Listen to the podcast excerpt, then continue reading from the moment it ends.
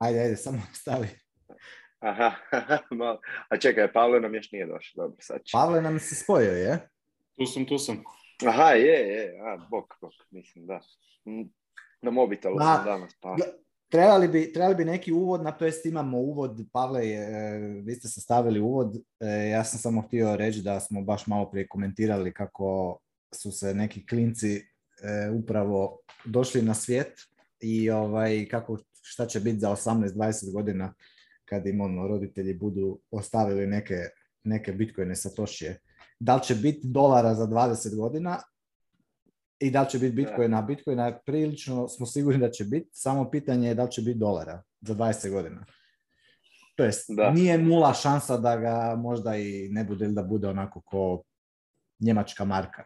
Nije, ono, nije isključeno za 20 godina. Da. Da, da. Pa to, pa da. evo, to smo tamo, to smo tamo pričali o, sad je bio, ne znam, prije dva dana, ili ta prekičer je bio ovaj e, inflation report u Americi, ne. Pa sam baš komentirao kako je to zapravo ono, smiješno. Oni, oni su, ja, mislim da je target bio, ne znam, 8,1, da su oni službeno objavili da je to 8,3, sad je to ono katastrofa, mislim kao da samih osam već nije katastrofa, ali onako sve se zapravo gleda u tim nekim short term targetima, opće se te neke apsolutne vrijednosti su se potpuno ono izgubile, a zapravo taj broj koji oni objave je skroz neki ono random broj, tipa ono, mislim, to je isto užasna manipulacija tržišta, jer šta je njima ono staviti, ne znam da li je to 8,1 ili 7,8, to je ono, doslovno znaš manje više kako će market reagirati, na koji način će se to sve izvrtiti, tako da evo, čisto ono, rekli smo da ćemo malo prokomentirati ono, tržište i što se događalo zadnjih dana.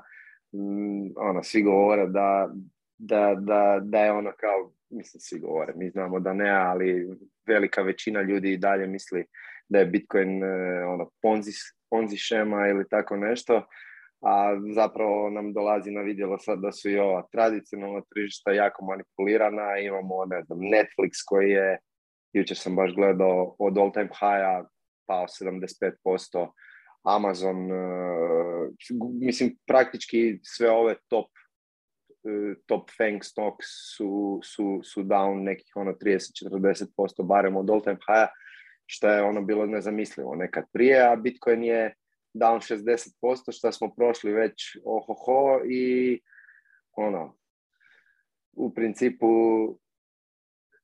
radi, radi kako, je, kako je zamišljeno i, i, i zapravo behind the scenes se samo pozitivne stvari dešavaju, ali dobro, o, o to možemo malo kasnije, ono smo pričali da ćemo malo pokriti taj, ne znam, mining i to možemo sad, ne znam, jeste vi pratili ovih dana, vidjeli, ono, ove drame oko Lune, pretpostavljam da to, mislim ne trebamo pričati o shitcoinima, ali ono, pretpostavljam da, da, da je to nekako svi ovih dana ispratili, nisi mogao ne, ne vidjeti, čak i ako si htio zanemarivati.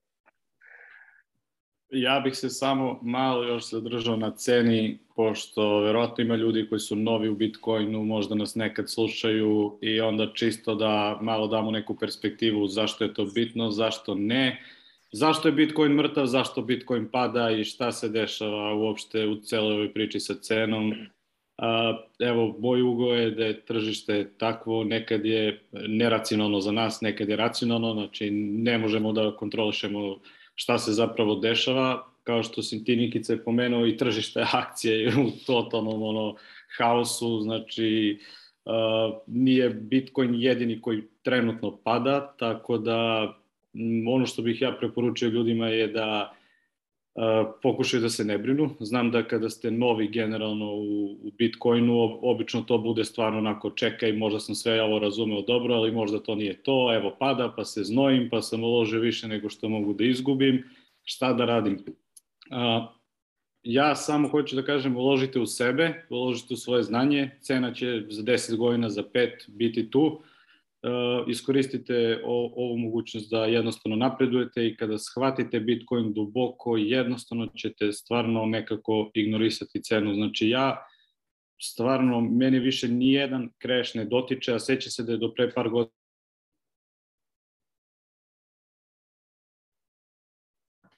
to gde se ja nalazim, da li ovo ima smisla, da li ovi ljudi koji sam ja slušao što pričaju na podcastima zapravo svi imaju neki ono svoj cilj pa onda manipulišu sa mnom i ostalim slušalcima, tako da uložite u sebe, uložite u znanje, kada to imate cena je ono samo jedan parametar koji ide gore dole, ali će se dugoročno to sve uh, bit, stabilno. mislim, ja nikad ne dam te neke ono sada neke predikcije oko cene, ali eto, moja perspektiva je pokušajte da se ne brinete i ako se brinete onda se okružite bitcoinerima koji mogu da vam pomognu u smislu da vas edukuju, da, vam, da vas podrže, svi smo mi u ovome zajedno. I tako, ne, ignorišite cenu, ako pitate mene. To je nebitan parametar. Makar kratkoročno. Da, ja se, ja se slažem s tim. E, pogotovo što treba, treba ono, Bitcoin gledati ono što je Seyfedin pisao, ono low time preference, ne znam uopće kako bi to sad je bitno na, našem, ali ono gledat, gledat dugoročno i ne se zamarat sa kratkoročnim ups and downs, jer kad se pogleda Bitcoin u zadnjih deset godina na, na logaritmik čartu, ja sad nemam, s mobitela sam inače bi šero, vidi se da je to praktički ono up only sa, sa nekim sitnim padovima koje se zapravo kad gledaš nazad praktički ni ne vide. Tako da ovoga, to što si ti rekao se slažem s tim. Znači uložiti u svoje znanje, okružiti se kvalitetnim ljudima ili skupiti na neki način kvalitetni sadržaj kojeg možeš konzumirati i, i, i, i, to je to, ono, Bitcoin će svoje odraditi kako je, kako je zamišljeno, da.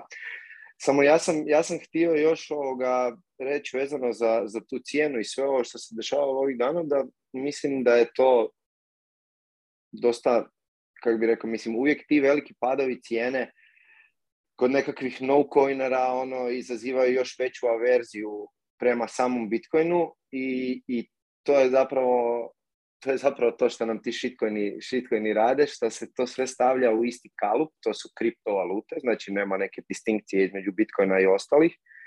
I, i onda, mislim, ovo s Lunom što se dogodilo je bilo zapravo nevjerovatno i to je ono, vidio sam, mislim, Luna je, ajde, ok, ne znam, to je top 10 coin bio na coin market capu, to je generalno jedan ogromni shitcoin o kojem zapravo niko ne bi trebao znati ništa i potpuno je nebitan a vidio sam da ono i ovi neki naši mainstream portali su počeli pisati o tom. Janet Yellen e, je ovoga i, imala ono neko priopćenje da trebaju regulirati stablecoinove, da li se prati šta se sad događa u Luni, tako da mnogi će to iskoristiti kao napad na cijelu industriju, e, gdje će vrlo vjerojatno, pričali smo već o tom, pokušati biti neki napadi na Bitcoin koji će po nama vrlo vjerojatno biti neuspješni, ali ovoga, kod mnogih će to, to stvoriti averziju i strah e, od ulaganja i zato je bitno da mi nastavimo raditi ovo što radimo, jer mislim da, da Bitcoin definitivno nije kao ostale kriptovalute, ima svoje fundamente e, i treba razdvajati i ljudima objašnjavati e, zapravo na koji način koje su prednosti Bitcoina i koje su razlike između Bitcoina i ostalih shitcoina. I, I, to je to. Mislim, ovih dana, evo ja sam jučer bio na, na, na toj nekoj fešti, ne mogu, od, od ne znam, tridesetak ljudi, ajmo reći, koje je tamo bilo, velika većina su no-coineri, mene, ne znam, tri ili četiri osobe su me pitale da li da kupimo Lunu, to je sad toliko palo, 99%, to sad mora ići gore. Ja rekao samo kupi Bitcoin, a Bitcoin to, to šta će mi to, to može otići gore 2x ili tako nešto. Tako da ono, ljudi su treba će proći puno vremena da to, da nekako, ali dobro, bottom, bottom up approach, kako si ti rekao, ne top down, nego bottom up, ono, napraviti neki kvalitetni community i, i to je to. Ono, orange pilanje nekako samo od sebe će ići. Hoćemo da mm. uđemo u tu na dramu ili Pavel možda želi da prokomentariše malo ova kretanja da, da, ne, mislim, e, ja bih samo dao isto komentar na, na cijenu i na, čisto da dam ljudima praktične neke e, brojke i kontekst ovoga svega. Znači, ono što sam svim svojima ovim, kojima se, koje sam ovdje pilao, znači prvi nekakav princip, praktični savjet je kada krenete prvi put razmjenjivati svoje fiat shitcoine u bitcoin, E, imajte na umu e, da e, to treba raditi minimalno otprilike četiri godine, 210 tisuća blokova. To je ono što se pokazalo da ukoliko čovjek drži Bitcoin od trenutka kada je ono, krenuo plus četiri godine, 100% vremena će biti u, u ajmo plus, odnosno taj njegov Bitcoin će imati veću kupovnu moć nakon četiri godine. Zašto je to tako? Zato što svake četiri godine, odnosno svakih 210 tisuća blokova, broj bitcoina koji se rudari, koji se generira u svakom bloku se prepolovi e, na duplo manje. Znači, kontekst danas u svaki dan izrudarimo 900 bitcoina, jel? znači 6.25 bitcoina po bloku u 10 minuta, a 2024. negdje u, recimo, ajmo reći u petom mjesecu 2024. ćemo prepoloviti tih 6,25 na 3,125, odnosno 450 bitcoina na dan. I onda opet 2028. ćemo prepoloviti sa 450 bitcoina na dan na 225 i tako dalje. 2032. sve do kad se ne izrudari zadnji bitcoin. Znači ako imamo istu ili povećanu potražnju za bitcoinima, a odjednom imamo duplo manju proizvodnju, jedini način da se tržište um, uravnoteži je da cijena Bitcoina krene rast.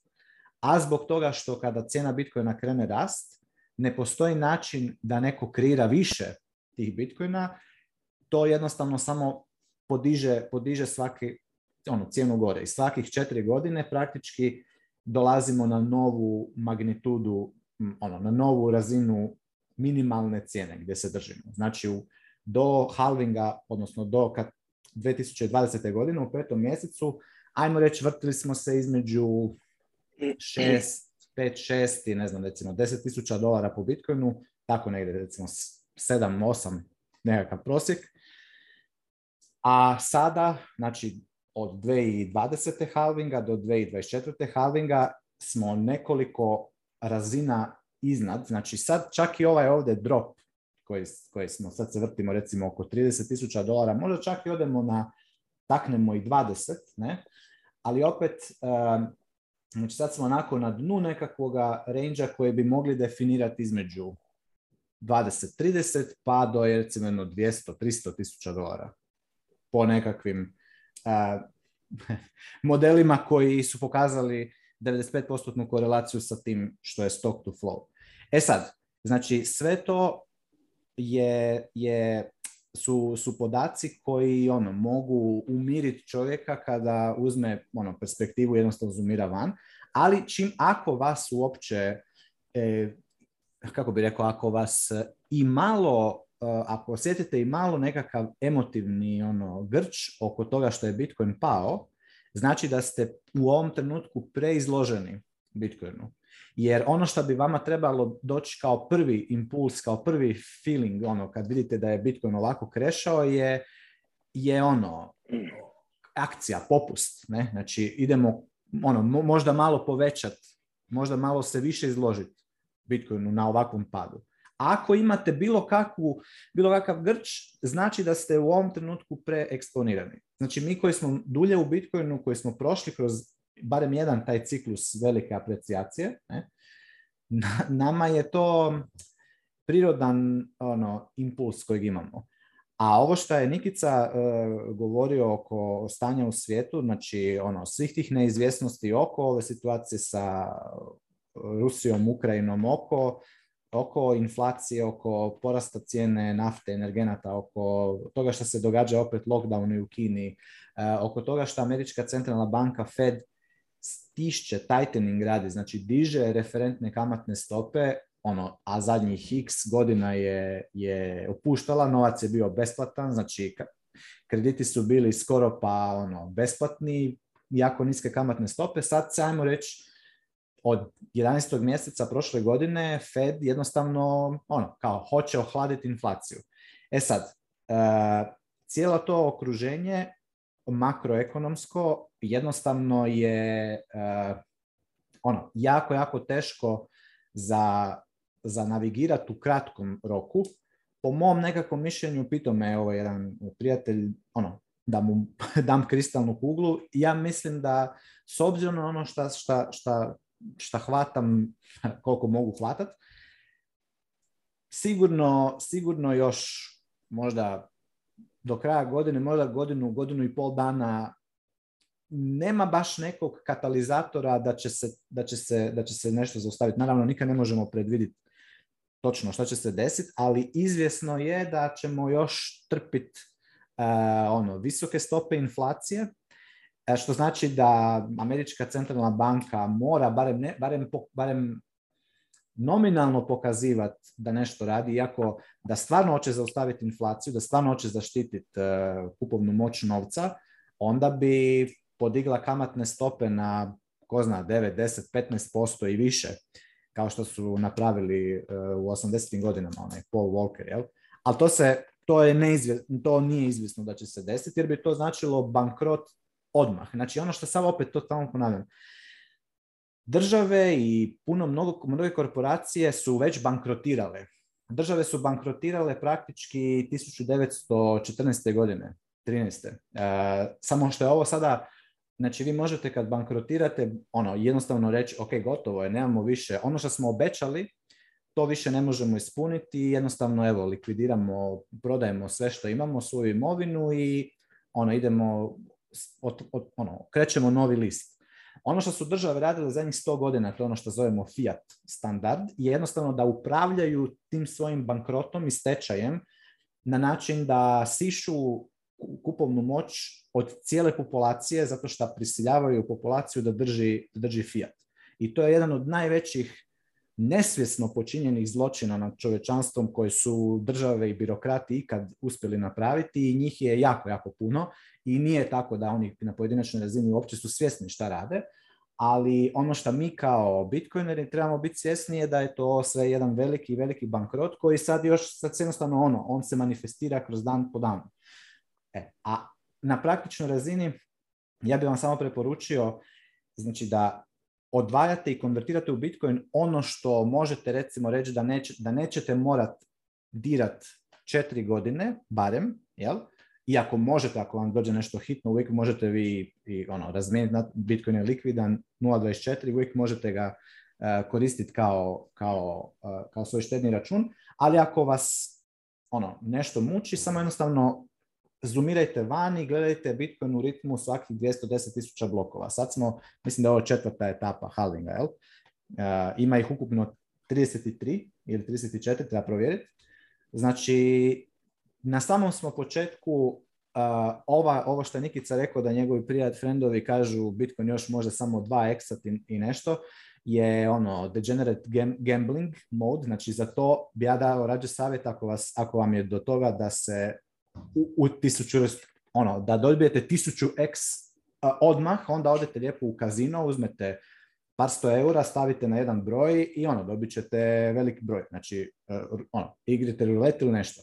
Ali ako ćete gledati dugoročno, planirati svoj život, e, ono, gledati šta će, ono, na koji način ćete i vi doprinijeti sebi, svojoj obitelji, prijateljima, zajednici u kojoj živite i tako dalje, dugoročno, onda opet dugoročno Bitcoin ima ogroman, ne 2x e, odavde. Bitcoin, samo ako gledate da je recimo fiat valute i, i obveznice državne su otprilike zajedno otprilike 200 trilijuna dolara, Bitcoin je sada ispod jednog trilijuna dolara. Znači to je sad, to je ono 200 puta uvećanje samo, na, samo kad bi uzeli fiat valute i državne obveznice, koje su sada ono, način na koji ljudi drže i štede, štede nekakvu vrijednost uh, za budućnost. A onda je tu još držiš, tržište dionica, akcija, jel? koje vi imate dionice koje imaju tu takozvanu monetarnu premiju na sebi koja sva mora stići u Bitcoin. Tu je još jedan ogroman čank ove, real estate, odnosno tržište nekretnina, je, znači, ljudi štede u nekretninama. Znači, sve nekretnine koje vidite u cijenu koju, koja je cijena nekretnine, morate uzeti da ima svoju komponentu utilitarnu, znači cijenu koju čovjek plaća zato da bi koristio nekretninu, da bi je živio u njoj i da bi jednostavno trošio, koristio kao svako drugo dobro, i monetarnu premiju. Jer ljudi kupuju nekretnine, ulažu u nekretnine zato što ne mogu držati fiat, ne mogu držati novac, ne znam, nećete držati 100.000 eura na računu kad vidite da je stopa printanja eura je ono, 20% godišnje će sada biti, sigurno, možda i više. Znači, vi ćete uzeti 100.000 eura i nešto ćete napraviti neku nekretninu, jer ipak vam ona zadrži vrijednost i zato cijene nekretnina rastu. Ali to je isto monetarna premija. To su sve stvari koje moraju ići u Bitcoin. Znači, fiat valute, državne obveznice i korporativne obveznice koje imaju svoju ono, monetarnu premiju, tržište dionica i tržište nekretnina. Sve se to sljeva u Bitcoin, između 200 i 500 trilijuna dolara. Znači, računajte u sljedećih 10 do 20 godina od ove cijene koje u Bitcoin imate sad, imate sad, puta 200 do 500. Tako da nije 2, 2x, ali je u duljem vremenskom roku. Dakle, da nije ono, ako se, a kažem, ako se hoćete, ako hoćete preko noći ono se ustostručiti, lijepo odite ono u kazino, ja vam ne preporučam da idete u kazino, jer to je ono, e, nije, nije, dobro, nije dobro za vašu dušu, ni za, ono, bit nećete biti sretni, čak i da se ustostručite preko noći, da sada dobijete na lutri, problem je u tome što nećete biti e, sretni i zadovoljni s tim. Da pače, puno je veća vjerojatnost da će vas to totalno e, uništiti. Ono što je dobro, radite, znači hvatite se posla, služite drugim ljudima, znači fokusirajte se na to šta drugim ljudima treba i šta su spremni platiti i naučite voliti to što radite.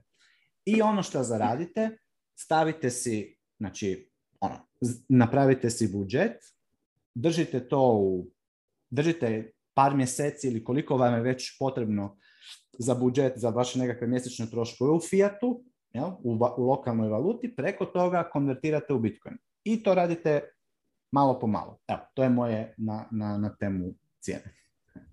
Ja bih za... samo se vrlo brzo nadovezao, ja ne znam kakav je zakon u Hrvatskoj, ali u Srbiji zakon vam zapravo kaže da trebate biti hodleri 10 godina, zato što se u Srbiji porez na Bitcoin koji ste kupili ne plaća ako ga držite duže od 10 godina. Znači ako ga nakon 10 godina prodate u fiat, nema poreza na kapitalnu dobit, država vam daje ono podsticaj da mi deset godina čuvamo Bitcoin. Tako da, eto, neka to ako može ljudima bude perspektiva, pa makar i odvajali 5, 10, 20, 50, 100 evra koliko može sa strane.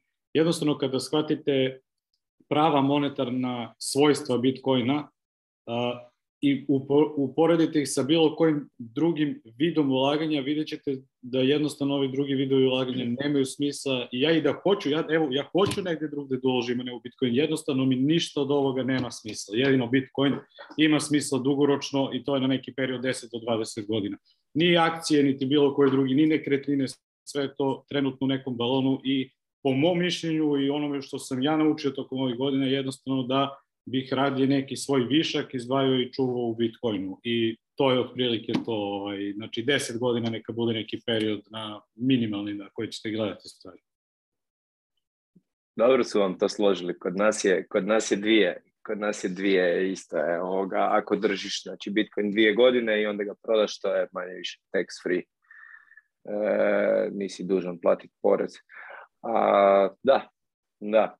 Evo, možemo još e, kratko uz tu Lunu, ajde, nećemo se previše zadržavati na Luni, nije ni bitno, svi znaju da je, da je, ovoga, da je otišla u potpunu nulu, mislim, to je nevjerojatno izbrisano, je doslovno 45 milijardi tog, ajmo reći, na papiru vrijednosti e, u praktički 48 sati, iako ajde možemo uzeti da je, baš sam ja pogledao, ne znam, prvog četvrtog, mislim da je bio na ne znam 120, 119 dolara ili tako nešto, prekjučer je bio na 30 dolara i evo sad je na 0,0 nešto. Mislim da su ga čak i delistali iz burzi, znači doslovno je otišao u nulu.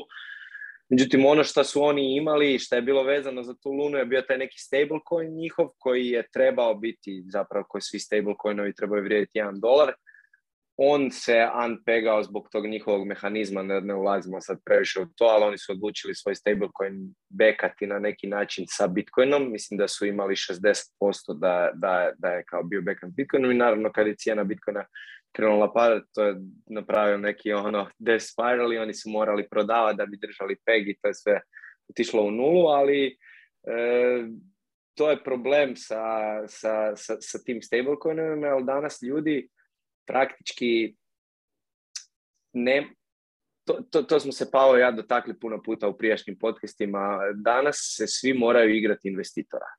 Praktički nemoguće je štediti u fiat novcu zbog ogromne inflacije. Ti taj novac moraš parkirati u neki eset da bi ti on na neki način održao, održao vrijednost. I mnogi ljudi su se opekli ne ulagajući u lunu, nego imajući novce u njihovom stablecoinu koji su onda na nekim tim protokolima stekali da bi dobili nekakav prinos jer to je ono ti danas ako imaš novce u banci na, na, na, na nekakvoj štednji ili tako nešto, mislim prinos u, u dobrom dijelu europskih zemalja je negativan, znači čak ti naplaćuju to šta, ti imaš novac e, kod njih, a mislim da je kod nas nekih ono, 0, nešto posto, jako malo, tako da ti protokoli su na neki način e, tražili ljude da, to jest ono, incentiv je bio takav da su oni nudili, ne znam, 20% prinos na godišnjoj bazi,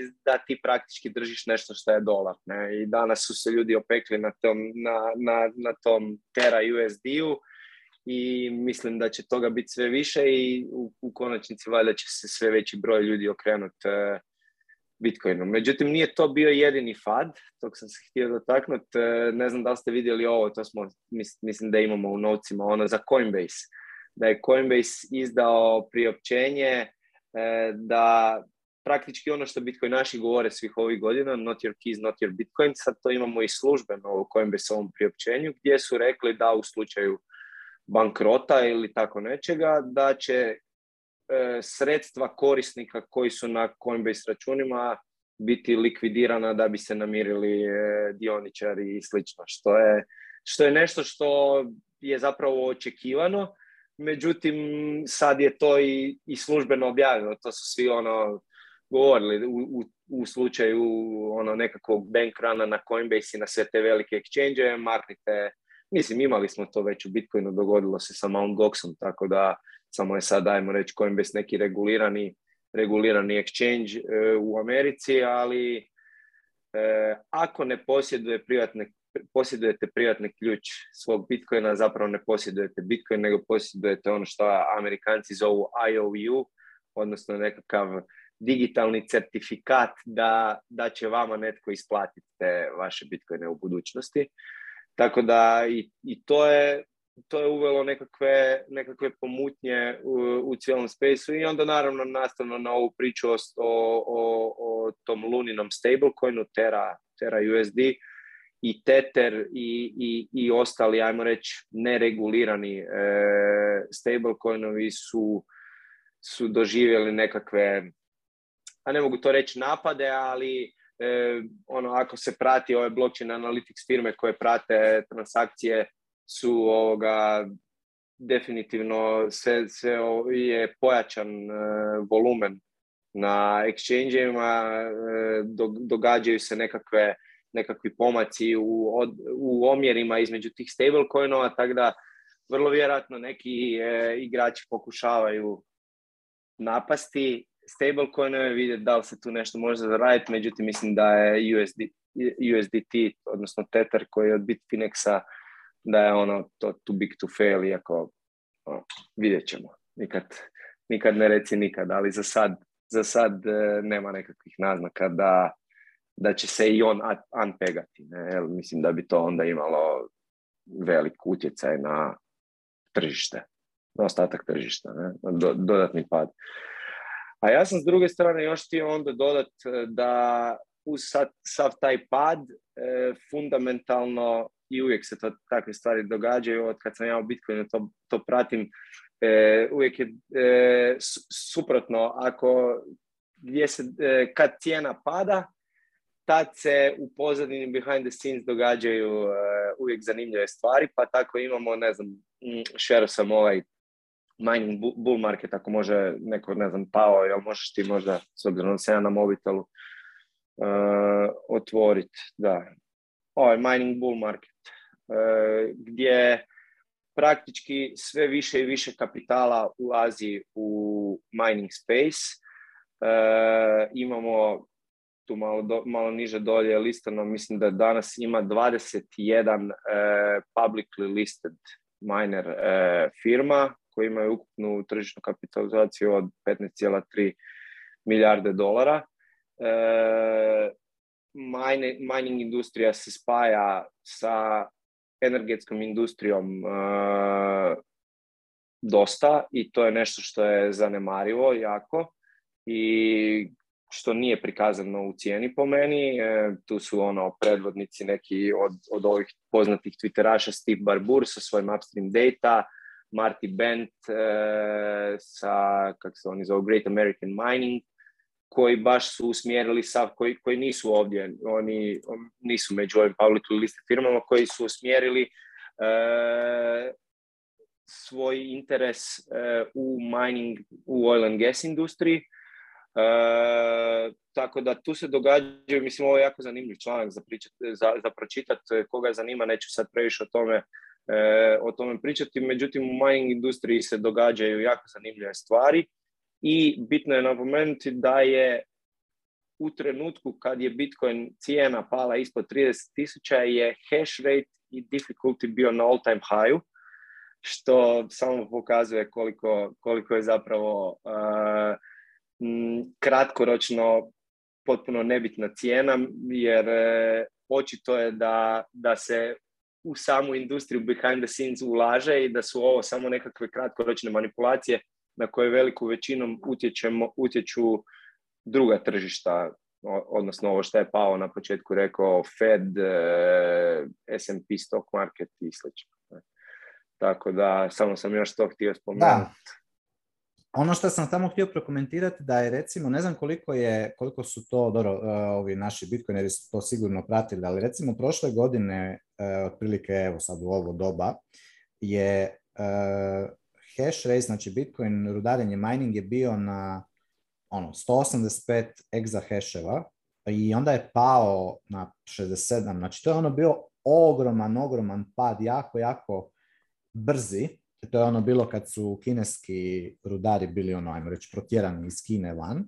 I to je slijedilo je naravno i veliki pad cijene, cijene Bitcoina tu je ono bio isto ono Elon Musk kad je u ovom periodu hype i tako dalje rekao da će Tesla primat Bitcoin za, za, za svoje scam autove, aute, a onda je rekao kasnije ne, ne, nećemo ipak i tako dalje. Onda je tu to je cijena kapitulirala, ali sam, e, ono što se interesantno desilo i ovo što je Nikica sad spomenuo je da je mining, znači gledamo ovu cijenu gornju, to jest ovaj, u metriku gore hash rate se samo penjao i penjao i nastavlja se penjati, ne vidimo baš nekakav trend da se, da se neće penjati gore i to je ono samo dokaz toga koliko je u biti e, otporna ta, ta, ta dugoročna fundamentalna, ajmo reći, Bitcoin industrija.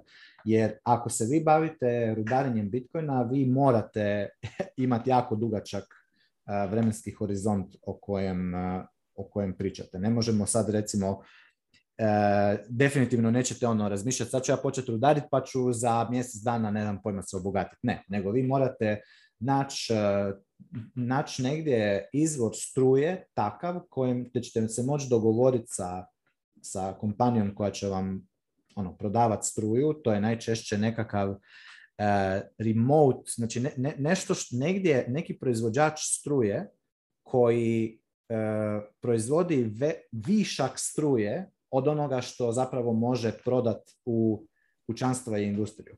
Jer kućanstva i industrija će uvijek imat već, uvijek će biti spremna platiti veću, veću cijenu struje, e, jer je to uvijek vrijednije nego rudarit Bitcoin. A ali recimo ako vi imate negdje nekakvu hidroelektranu ili imate eh, ono, naftnu bušotinu ili, ili eksploataciju zemnog plina, vi ćete imati određene eh, strujne kapacitete koje jednostavno nećete moći prodati, odnosno ne isplati vam se, e, nije vam ekonomično prebacivati tu struju od izvora gdje ste ju generirali do krajnjih potrošača koji bi bio kućanstvo ili industrija. I zato imate Bitcoin minere koji će vam e, kupiti tu struju, taj višak struje ga proizvodite, za neku cijenu. I sad je samo pitanje kako će se taj Bitcoin miner, rudar i vi kao proizvođač e, struje, kao recimo neka e, energetska kompanija, kako ćete se vi dogovoriti za tu cijenu u kojem vremenskom roku. I, i obično se ovi dobri mineri dogovore za dulji rok za, za manju ono, cijenu struje. Govorimo o nekoliko orders of magnitude, znači nekoliko puta manju cijenu. Ako je tu recimo, ne znam koliko je sad, e, možda 50, 40 ili 50 euro centi kilovat sat struje, ono možda sam pretjerao, možda i manje, nije, nije toliko. Kod nas u Hrvatskoj je, šta sad, kuna i nešto, što je možda bi 30 centi možda da. E, je kilovat sat struje, a vi ćete rudarit, vi ćete se dogovoriti sa, sa, sa kompanijom koja proizvodi struju za, ne znam, plaćat 5 centi, 4, 5 ili 6 centi kilovat sat. Kako je to moguće? Zato što ta, ta kompanija, to je ono što je jako bitno ekonomski za razumjeti kad razmišljate o miningu. Jako malo ljudi zapravo uopće kuži, kuži, tu, kuži tu dinamiku što se tiče mininga. Mineri e, i, mineri moraju nabaviti struju koja, koja bi inače bila waste, znači koja ne bi, opće, ne bi se opće, e, niko je ne bi kupio. Tamo, je, tamo mineri idu. I u biti oni, oni s time potiču, potiču monetizaciju jeftine ili wasteane energije, wasteane struje. I, ovaj, I to je ono, oni guraju cijelu, cijelu razvoj cijele energetske industrije. To je nešto što će biti isto fascinantno u sljedećih recimo 20 godina gledat kad ovi klinci što su se sada, što su sad bebe, pa budu onako mladi odrasli ljudi, e, ono, vidit će e, razvoje ono, energetske industrije na način da to mi danas ne možemo zamisliti. Mi danas ovu količinu energije struje koju mi danas e, trošimo u, prosjeku, u za svoj svakodnevni život, oni će, ja vjerujem da će trošiti ono, sto puta više. Znači oni će moći ono, ne znam, ja ono sad tu džiram sa, sa, malim skuterom, uh, motorićem, a oni će vjerojatno imati, ne znam, nekakvu letilicu, ono, sješće unutra i ono, izlevitirat će gore u, u 6 km, dok letit okolo, vraćat se nazad, enormne količine energije transformirat, e, a sve to, najmo ono, reći, na, valu tog razvoja e, razvoja energetske industrije zajedno sa, sa Bitcoin miningom. To je jako, jako fascinantni rabbit hole kojega kojega mi dosta na Sejfidinovim seminarima često ono, dotičemo i tako da ono. ono samo što sam htio još samo dodat, kad čujete ESG u, u, u miningu i općenito nekakvo clean mining ili green mining i općenito green energy, odmah se samo sjetite, ja ću vam to ponavljati koliko hoćete, znači to je bullshit, to je ono hrpa govana koja ne može smrditi više nego što smrdi, to su sve skemovi hakstera, prevaranata i ako, ako vam se ne sviđa kako je ovaj Duke uh, iz skemao i odnosno iz, reći, izvrtio, mislim, nije on to vjerojatno iz nekakve loše namjere, samo se razbahatio dečko jer je ono, ne znam šta, ali ovaj, ali ako vam to smeta, znači ovo što, ovo što ta ESG ekipa izvodi, to je ono opet sto puta, sto puta gore. Znači, dobro, evo opet, da, da ne ulazim pretjerano. Ali, evo, kad smo još Bitcoin mining. Ja sam samo htio da se malo vratim na Coinbase, ako mogu, pošto smo malo pred, protrčali preko te teme, a meni je interesantno jedna stvar koja će se na kraju vezati za sve ovo možda što si i ti pričao, znači Coinbase mijenja uslove poslovanja, to je napokon javno stavlja na papir, mi ćemo likvidirati vaša sredstva ako dođe do bankrotstva ili ako mi dođemo neke probleme, zato što smo mi vlasnici vaših sredstava, vi ne držite Bitcoin, mi ga držimo na u vaše ime. To je svima bilo jasno, samo su sad oni to zvanično stavili na papir i kao ne, ne, mi smo to namjerno zbog regulative morali da stavimo, sve će biti ok, neće, neće sve biti ok. Znači kad god imamo centralne entitete moći kao što je Coinbase, uvijek treba biti obazriv, treba, ne treba uopšte ići njima i kupovati tamo ako baš morate, idite, ali ono, povucite to na svoj volet i čuvajte. E, menjačnice i berze zapravo prave novac od vas kada tradujete, e, zato se shitcoini non stop e, imaju jak marketing, zato se oni non stop serviraju ljudima, zato što su oni motivisani da vi svojim tradovanjem dajete njima neke profite i zbog toga smo u ovim shitcoin kazinima, zbog mjenjačnica kao što je Coinbase, Binance i sva ostala sranja koja jednostavno namerno prave kazino od cele ove priče. E, vremenom će tu doći kraj, evo, evo, ide polako. Coinbase je sada u prvom kvartalu prijavio gubitak od 430 miliona, uglavnom zbog tradovanja znači jebi se Coinbase, također i Binance, ako ste gledali mempool, mempool je trenutno znači toliko pun zato što je jebeni Binance odlučio da, da ga napuni transakcijama, uh, pod izgovorom da oni konsoliduju svoje bitcoine, jeste, baš su sada našli da konsoliduju, ne, znači oni su uzeli i roknuli gomilu transakcija u blockchain da bi ga zagušili, da ljudi ne bi mogli da, da traduju, da povlače i da kupuju i prodaju Bitcoin.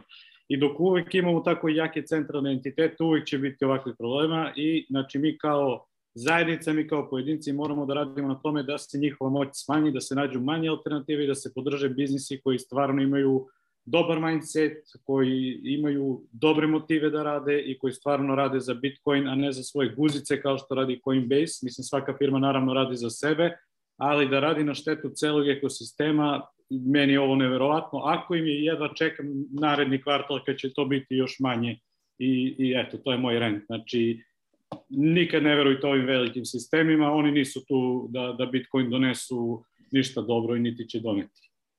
Pavle, samo moram nešto dodati. E, znači, ja bih samo dao još jednu perspektivu vezanu e, i na Coinbase, i na Binance, i na ovaj, ovu situaciju sa Luna, Terra, e, i sa shitcoinima generalno. Znači, ja sam došao do jednoga, do jedne nirvane, jedne nove, nove razine spoznaje, a to je da i shitcoini, i exchange, i svi ti skemovi, sve je to zapravo dobro. A, zašto je to dobro? Zato što to se, to je škola, to se uči. E, sigurno ste vidjeli vi, ali ako, ako nije neko vidio, pogledajte malo na Twitteru zadnjih par dana, kako su, ovaj, koliko je od ovih e, luna, oni zovu lunatics, koliko je postalo od njih Bitcoin maksimalista, koliko sad su rekli od njih, e, ono, dosta mi je, ovo, mi je predalo mi ono, moju čašu, ne, ne, mogu više trpiti ova, ove, ove gluposti, od sad samo nadalje lijepo svaki mjesec stekam, staking sets, be humble i tako dalje. Ogroman broj ljudi. Ista stvar će se desiti sa ljudima koji, koji ono, koriste uh, te custodial exchange koji rade hipotekaciju njihovih e, bitcoina i koji ih navode stalno da tradaju shitcoine, ono, kazino, shitcoin kazino, gambling i tako dalje. Ljudi jednostavno će, ono, platit će to da nauče, da onda shvate da kako se zapravo Bitcoin koristi. I sve je to na neki način ne da na neki način, nego je to sve dobro za Bitcoin. Recimo ova situacija sa Terra i, Luna tim, e, tom, tom implozijom će dovesti, to sam baš slušao jutro s Michael Saylora kako je, kako je to komentirao, to će recimo dovesti, odnosno ubrzat će, uh, ajmo reći, regulatorni okvir kod država e, oko toga šta su kriptovalute, šta, su, šta je kripto imovina, a šta je kripto vrijednostni papir, oni to zovu crypto security. Šta je security? Znači, ako, sam ja, ako ja imam kompaniju, recimo da nas tri imamo kompaniju, imamo akcije, dionice, udjele u toj kompaniji, mi ne možemo, mislim, mi možemo ljudima ono prodavati, što rekli, muda pod bubrege, pa govoriti mi ćemo raditi ovo, a zapravo radimo ono, ali po nekakvom zakonu, ali ne samo po zakonu, nego i po prirodnom, eh, ne državnom zakonu, nego po prirodnom zakonu vi morate ne možete lagati drugima i, i na temelju onoga što ste im izlagali. Zato, zato postoje ti zakoni o, o vrijednostnim papirima gdje vi, ako imate kompaniju i što je ta kompanija kompleksnija u svojoj strukturi, ako ima recimo puno dioničara, puno udjela, ako ima kompleksne određene financijske stvari koje radi, kako, kako, kako se odlučuje u toj kompaniji i tako dalje. To su sve stvari koje vi morate pokazati e, svojim investitorima. A šta ovi shitcoini rade? Oni kažu, ne, ne, mi, mi, mi smo decentralizirani, mi, niko tu ne može ništa upravljati, možeš misliti. Svi, svi, počeš od Ethereum-a pa nadalje, sve su to kompanije zapravo koje imaju svoje, svoje timove koji njima upravljaju, imaju svoje, svoj marketing, imaju svoju prodaju, imaju svoje budžete sa kojima se e, ono, nagađaju, namiruju sa, sa regulatorima, ali ništa tu nije decentralizirano. Decentralizacija je samo skem kojega prodaju populaciji, koja onda popuši taj skem, a za tu populaciju koja popuši taj skem je opet dobro, zato što kad popuši, kad popuši novce, e onda nauči. To je kao da platiš ono, platiš školu, platiš edukaciju.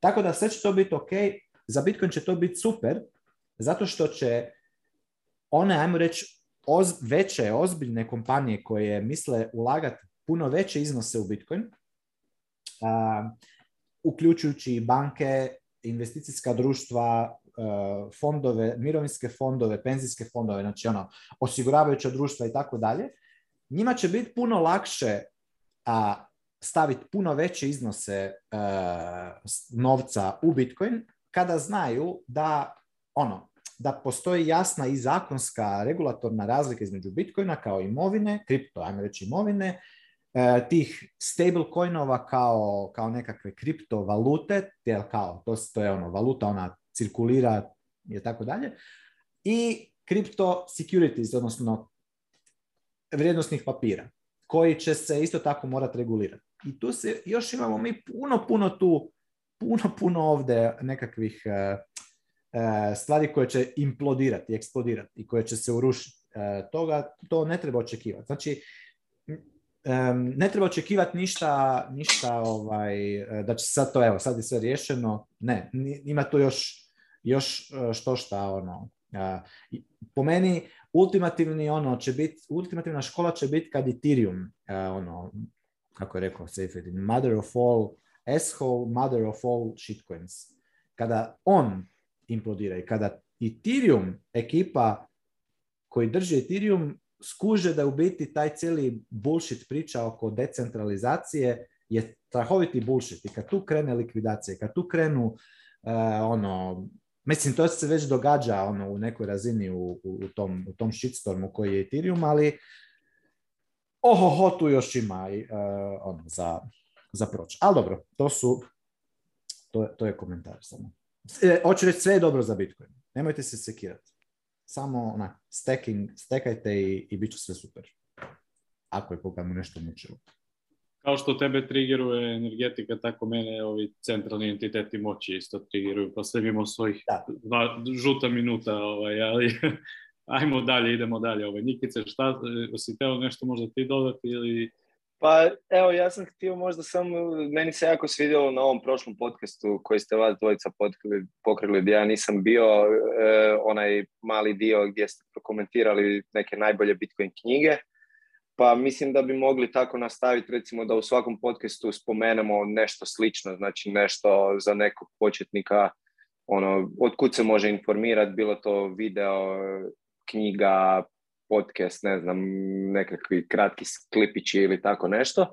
Pa evo, sad kad ste vi prošli tjedan pokrili knjige, možda da ovaj tjedan, ja sam veliki fan podcasta ili, ili tog video materijala, pa možda da, da spomenemo koji su nama trojici bili najbolji podcasti ili videi koje smo, koje smo pogledali u našem tom nekom putovanju kroz Rabbit Hole, ono bilo prije, bilo sada.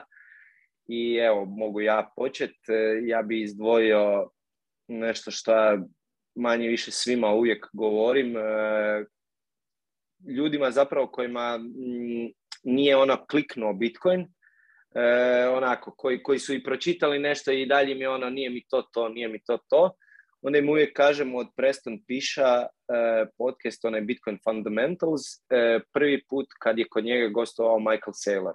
To je, mislim, epizoda 5 Bitcoin Fundamentals i zove se Masterclass of Economic Valuation. I tu me, ja sam tu bio u potpunosti mind blown, to je jedan malo duži podcast, mislim da traje preko dva sata, dva i pol sata, tako nešto.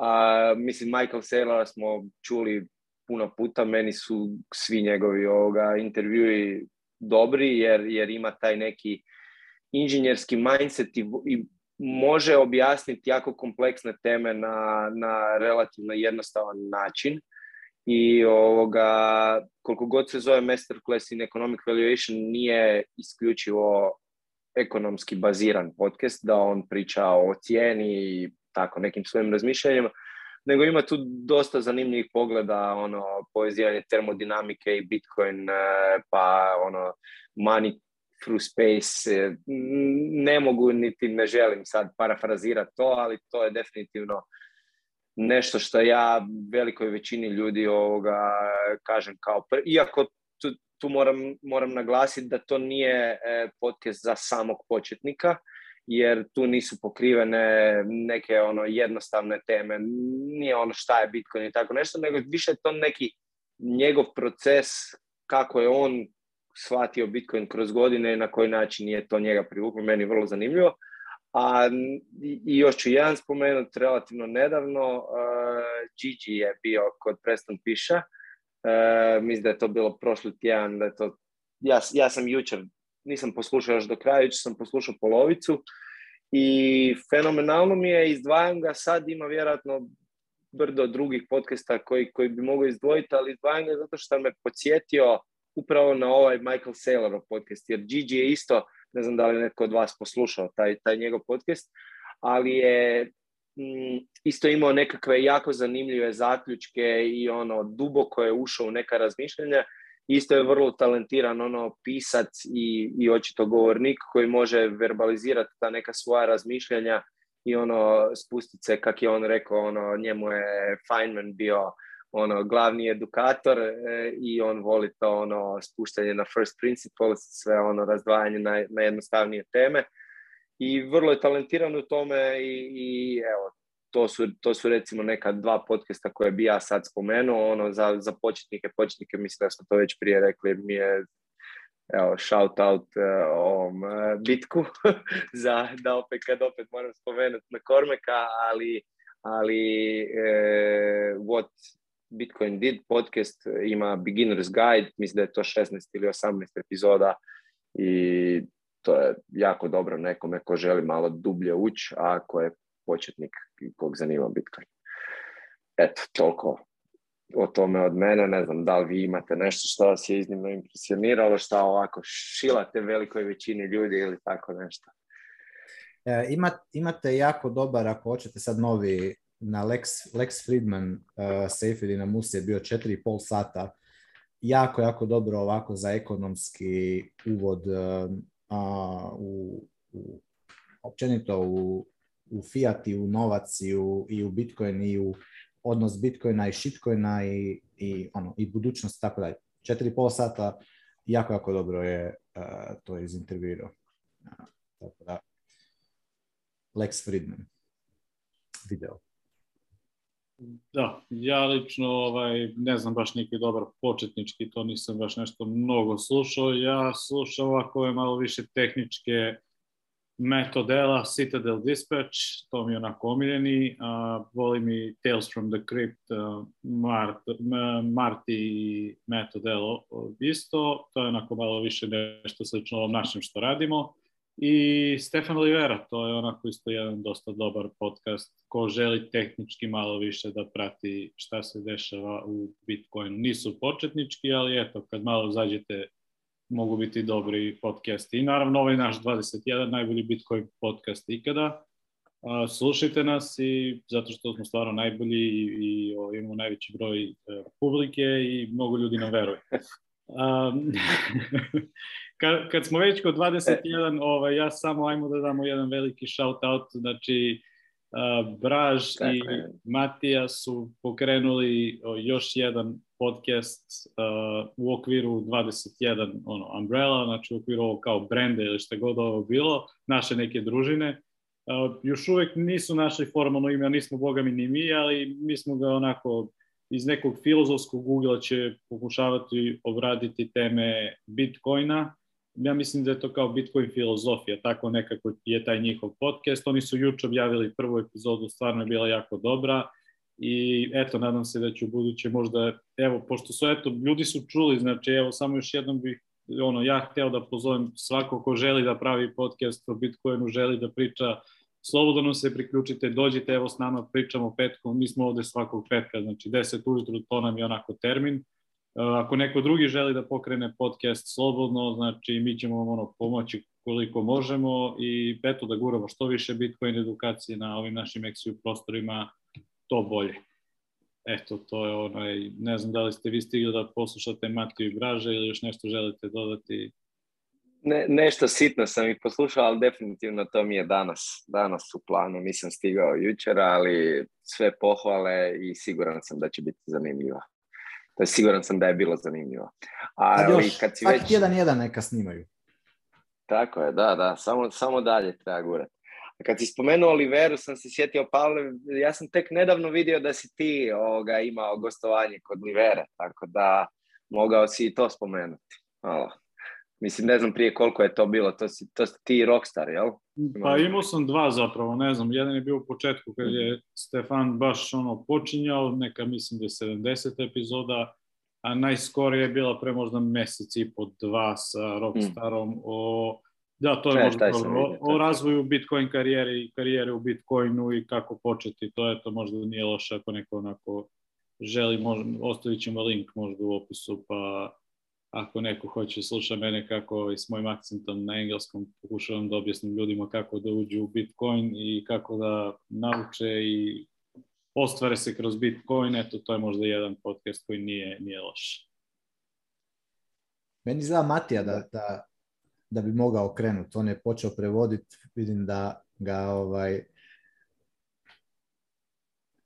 Raditi u Bitcoin space je odlično. Odlično. Samo što je malo, kad imaš, kad imaš primanja u Bitcoinu su malo je, malo je traje jedno vrijeme da se, da se navikne na ono taj jer u jednom trenutku nećeš imati više fijata u, a treba će ti, mislim, dobro, zavisi da li imaš, da li imaš još prihoda u, u fijatu, ali to je, to je interesantno a, jedna tranzicija, možemo o tome. No, ali je široka tema, možda je to dobro za neki onako naredni e, podcast da, da bukvalno obradimo tu temu. Uh, jedna stvar, evo sad kad se to kako razmenjivati, ovo ja nisam znao, evo skoro smo na meetupu u Beogradu saznali da postoji grupa od 600 ljudi, znači 600 ljudi koji u Beogradu traduju Tedra. na Telegramu. O, ovaj, tako da i izgleda da postoje, i to je ono peer-to-peer, oni se nalaze koliko se ja skapirao i traduju, to mi, meni je bilo ono, nevjerovatno da toliko su ljudi napravili ono, sami svoj sistem, sami svoju cirkularnu ekonomiju i, i traduju, tako da ima načina vjerovatno kad se sve to prelije u Bitcoin, ovaj, bit će sve to dobro i ne brinem se samo ta cirkularna ekonomija, to je kružna ekonomija malo potrebna da, da se zatvori taj krug i onda kad ti primaš možeš kupiti hleb, možeš kupiti ovo za Bitcoin dalje ti i ne treba fiat uopšte. Da, da. Da.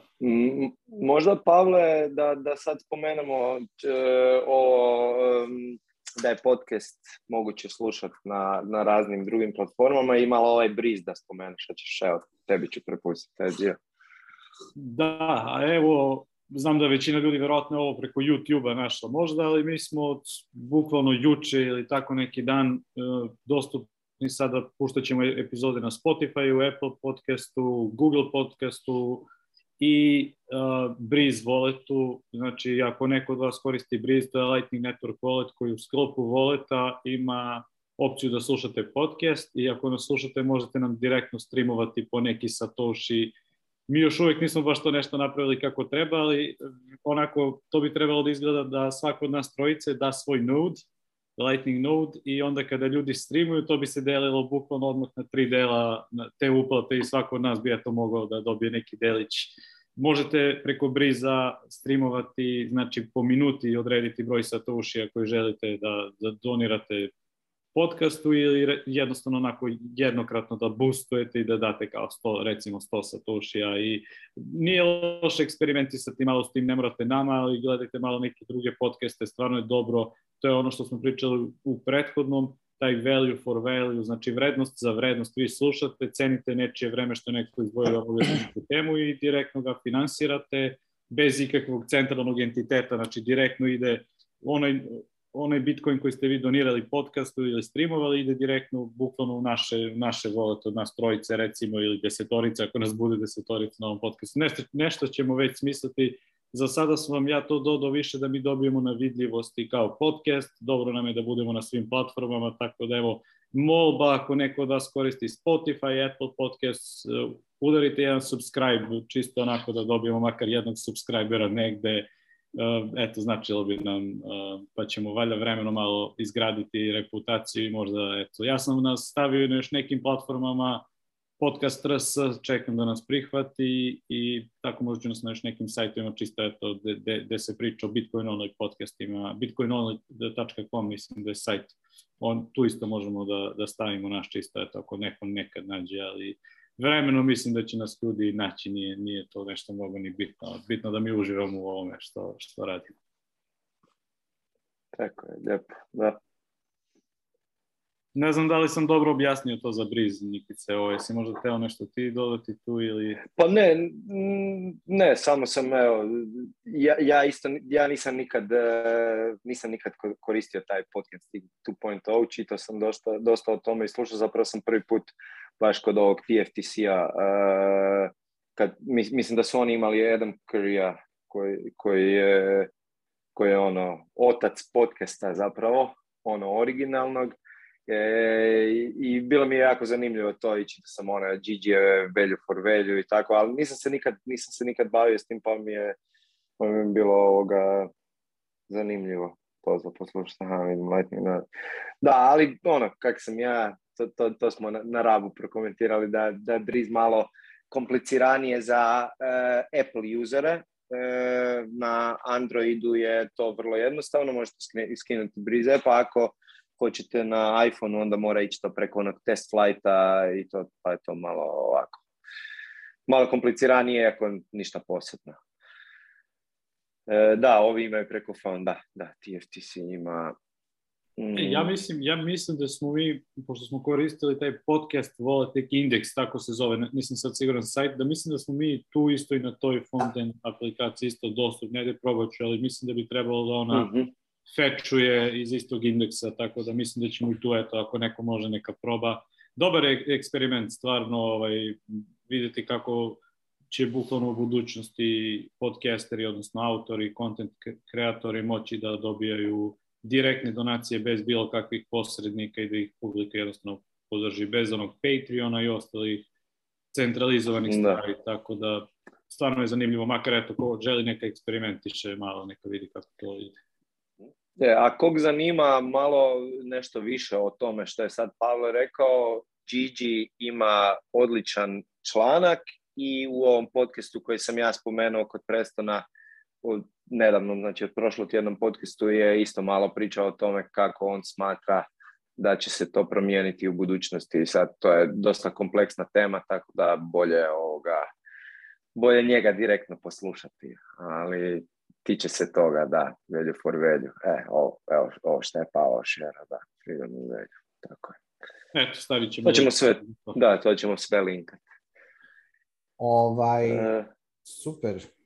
Šta imamo još? Uh, e, o, imamo čeka, imamo najkontraverzniju temu u medelju. Da, da, da, znam, znam, to sam baš mislio. Čekaj da ga, da ga otvorim.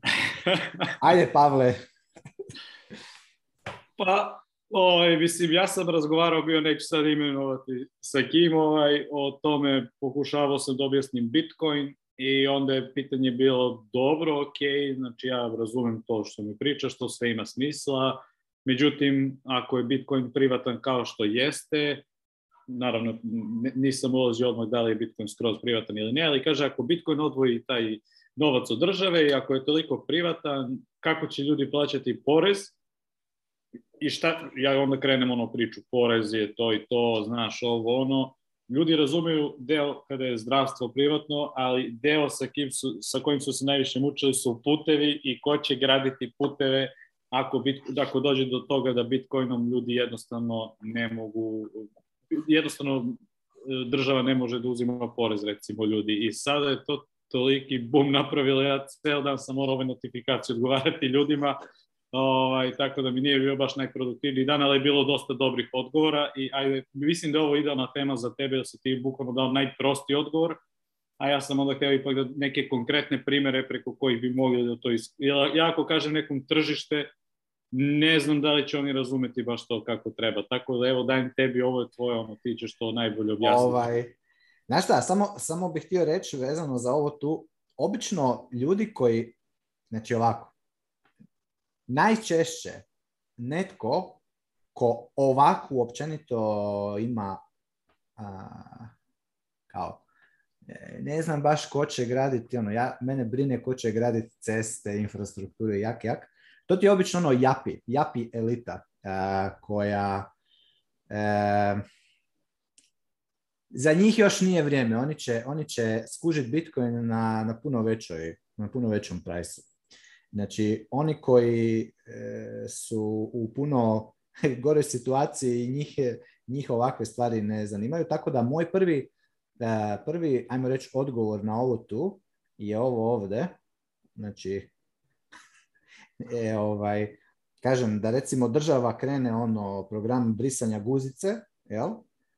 E, da li bi ljudi jednostavno, ajme meni, ako država više ne briše naše guzice, ko će nam brisati guzice? Bićemo, koda ćemo pokakani, ono, puni na.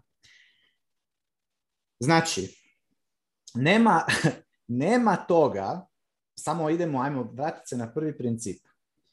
Nema toga što u interakciji dvoje ljudi ili dvoje ili više ljudi se može napraviti bolje silom. Okay? sva interakcija, svaki odnos dvoje, više ljudi, uvijek treba težit da bude slobodan, da bude slobodnom voljom. Znači, ako ja dođem u dućan, mene nitko ne sili, ne ucijenjuje me, ne prijeti mi pištoljem ili oduzimanjem moje slobode da ja kupim ovaj jogurt, a ne ovaj, ovaj, tu drugi jogurt. Jel? Znači, sad zamislite kako bi bilo da, da jedan, znači da ti uđeš u, uđeš u dućan i sad te tamo onaj neko u, na ulazu u dućan stoji sa jednom puškom i kaže ti, slušaj, ne kupiš li ovo ovdje od ovoga tu proizvođača, e onda, ćeš, onda ću te ja upucat ću te u koljeno. I to naravno nije, nije dobro, nije dobro nikome. Isto tako nije dobro da ti neko uzme, oduzme ono što je tvoje. Znači, ako ti imaš nešto, ako ti imaš recimo mobitel, ako sad tebi dođe neko i strgati, strgati mobitel iz ruku i pobjegne ča, to je ono što se zove krađa. To nije dobro. Ne? Znači, e sad, kada, kada dvoje ljudi slobodnom voljom razmijene, znači spuštam se s na, na, na osnovne stvari. Znači, ako ja dođem i ja svojom voljom odaberem da ću kupiti bilo koju stvar. Recimo da ću kupiti jabuku, kilo jabuka, jabuka. I ja platim, ne znam, 2 eura kilogram jabuka. Ja sam iskomunicirao da je za mene kilogram jabuka vrijednije nego 2 eura, a prodavač je iskomunicirao da je za njega 2 eura vrijednije od kilograma jabuka. Ok? Znači, kad smo napravili razmjenu, i ja i prodavač ili proizvođač smo oboje na dobitku. Zato što ja vrednujem jabuke više nego novac, a prodavač vrednuje novac više nego jabuke. Znači, svaki put kad se napravi razmjena, oboje su u plusu, oboje su u vrijednosti. A drugi, drugi efekt u, u svemu tome je što ako sam ja proizvođač, ako sam ja prodavač i ja vidim da ja zarađujem, da ja ostvarujem profit, dobit, kada, kada prodajem svoje dobra ili svoje usluge, ja onda znam da ja dalje moram da dalje moram to isto što radim raditi, ako ne još i bolje raditi, pa da još veću dobiti profit e, ostvarujem jer mi ovaj drugi signalizira da je njemu to, da njemu to vrijedne. Znači cijene na tržištu su signal za, za, za to što trebaš raditi. Znači ako ti neko je spreman platiti nešto, to znači da ti trebaš to raditi, jer to je, to je vrijednije. S druge strane, ako ja ne mogu, ako ja recimo mene košta pet nešto, a ja to ne mogu prodat za više od pet, nego manje, recimo da mogu prodat za tri, ja gubim svaki put dva pa ako pokušam kupiti za pet i prodati za tri, onda mi to signalizira da to što radim nije vrijedno, ne vrijedi. Vrijedi manje, moj input vrijedi manje nakon što sam ja obavio svoje, šta god, nego, nego što je taj drugi spreman platiti. I onda ja to moram prestati raditi ili ako ne prestane raditi, ako sam baš ono nabrijan, e onda ću na kraju, neću više moći u jednom trenutku to raditi, jer ću bankrotirati. A kada država svojom silom kreće nešto raditi, ona nema taj mehanizam dobiti i gubitka.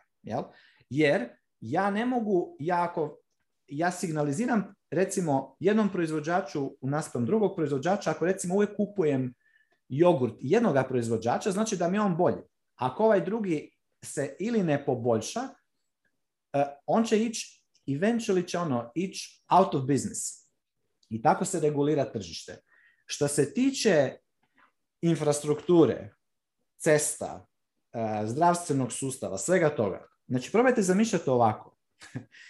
znači, s jedne strane, pogledajte recimo, pogledajte na primjer e, situaciju sa dućanima, robe široke potrošnje, hrana na primjer. Ti danas imaš, evo tu kod nas u Hrvatskoj imaš sigurno 20 različitih trgovačkih lanaca od ono, Konzuma, Plodina, ne znam, Tommy, e, ovih e, Lidl, e, ova, kako se zove, no sad, uglavnom imaš ih jako puno, imaš ogroman izbor različitih artikala koje možeš kupiti, koje su različitih proizvođača, koji se svi jedan s drugime natječu cijenom, kvalitetom i tako dalje. I ti imaš kao potrošač ogroman izbor i uvijek imaš manje više imaš obilje toga šta, možeš, šta možeš konzumirati. Zašto? Zato što je to tržište nije 100% slobodno i dalje imaš ti tu državne parazitske regulacije koje se moraju ovaj, održavati, ali dosta je to tržište slobodno i onda je tu, u tom tržište proizvodi obilje, proizvodi e, vrijednost. S druge strane, tržište, tržište gdje država upravlja sa svime time jel, je dizaster. Znači, najčešće je katastrofalno. Recimo, kad gledaš državnu bolnicu, jel, ona je ono, uglavnom je shitstorm u toj državnoj bolnici. Znači, država kad se krene brinut o tvom zdravlju, to je u prijevodu bolje ti je ono, pozdravi se sa svojim zdravljem, bit ćeš bolestan. Jednako tako kad se država brine o obrazovanju. Ne? Znači, kad država silom oduzme jednoj grupi novac i jedan dio e, zadrži sebi birokratima i onda preraspodijeli na drugu grupu po logici birokrata koja nema veze sa signalom onoga koje smo pričali tržišnog cijene, profita, dobiti i gubitka, nego po nekakvoj njihovoj logici šta dobije? Dobije to da ima sranje i smeće od, od, obrazovanja. Recimo, mi imamo državni obrazovni sustav koji je smeće, državni zdravstveni sustav koji je, koji je smeće. Sve što god država radi, napravi smeće, sranje. Jel? Što je više države u, u, tržištu u ekonomiji, to je gora situacija. Primjer Sjeverna Koreja, primjer Kuba, primjer bivši Sovjetski savez, primjer e, bivši e, komunistička e, kineska država i Mao Tse-tung. Znači sve, sve ono što je, što više država centralno planira ekonomiju, to je veći ono, katastrofa. Što je s druge strane? Manje države, manje birokrata, manje prisilne, prisil sile, znači primjene sile u interakciji među ljudima, to je društvo prosperitetnije i bolje i tako dalje. I kad se na kraju vratimo na jednostavne primjere. Ko bi izgradio ceste? Znači, da li, opet, samo da se još jedan put vratim, znači, da li vi mislite stvarno, kogod je to pitao, da ako, ako ljudima treba cesta, ok? Da su ljudi nesposobni, da je tržište nesposobno uh, proizvesti cestu. Čovječe Boži, tržište je napravilo mikročip, uh, Apple M, M1 čip, ono, 5 nanometara male. Šta mislite da, je, da, je, da, da, su te čipove sposobni napraviti legija birokrata koja ono, gubi vrijeme i parazitira u svojim ono, uredima koje plaćaju kroz, kroz reket poreze i inflaciju? Ne. Znači, to radi slobodno tržište. Što više, što je slobodnije tržište, recimo, sva sreća kod te visoke tehnologije, tržište je vrlo slobodno. Pa se onda može, mogu se dobivati novi, novi ono, tehnološki bolji i kvalitetniji proizvodi i tako dalje. Ali, jel vi stvarno mislite da država, da znači da, da postoje privatne ceste, da bi te ceste bile lošije na neki način od državnih? Ne, bilo bi puno bolje. Što više, imao bi konkurenciju u privatnim cestama. Ajmo uzeti samo ceste za primjer. Znači, zašto ja recimo ne bi imao izbor, recimo da hoću doći iz Raba do Beograda. Zašto ja ne bi imao izbor pet različitih cesta, na jednoj cesti kad platim, idem, idem po toj cesti, by the way, samo da još naglasim, Sada vi jednako tako plaćate vožnju po cestama, nisu vam besplatne. Plaćate svaki put kada dođete u dućan, kada platite PDV, plaćate svaki put kada, kada natankate e, benzin ili, ili dizel na, na, ovaj, na, na benzinskoj pumpi, plaćate, e, plaćate poreze, plaćate trošarine, plaćate, plaćate kad držite Fiat kroz, kroz gubitak kupovne moći. Znači sve to vi, ne da samo da plaćate, nego preplaćujete te ceste koje su vam onda najčešće neodržavane, koje su, s obzirom da su besplatne, da se ne plaćaju, se rade i rade se prometni čepovi koje su puno nesigurnije, jel? jer opet nemate tržišnog mehanizma kako, kako ćete vi regulirati sigurnost na prometu, nego je sve to centralnom, centralnom e, palicom, planiranjem e, uređeno. Znači, zašto ja ne bi imao pet različitih cesta privatnih koje neku, recimo, jedna cesta je ajmo reći, na nju, nju plaćate više, skuplje, jel?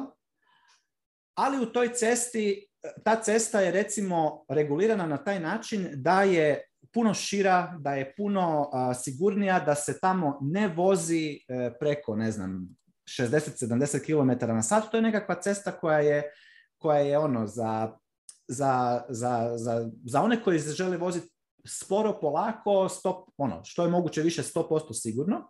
S druge strane, možda bi neko drugi koji ono hoće jurit 300 km na sat ne, do, do, ovoga, do Beograda, će platiti da se vozi po toj cesti koja je optimizirana za jako brzu vožnju.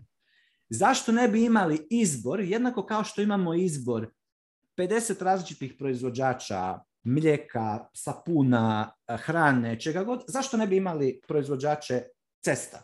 Zašto ne bi imali proizvođače, evo, healthcare, zdravstvenih sustava? Znači, neko možda, neko možda hoće, hoće se liječiti, neko možda ne vjeruje ili možda nije oduševljen sa idejom eh, farmaceutske industrije gdje se, ajmo reći, lijek proizvodi u laboratoriju.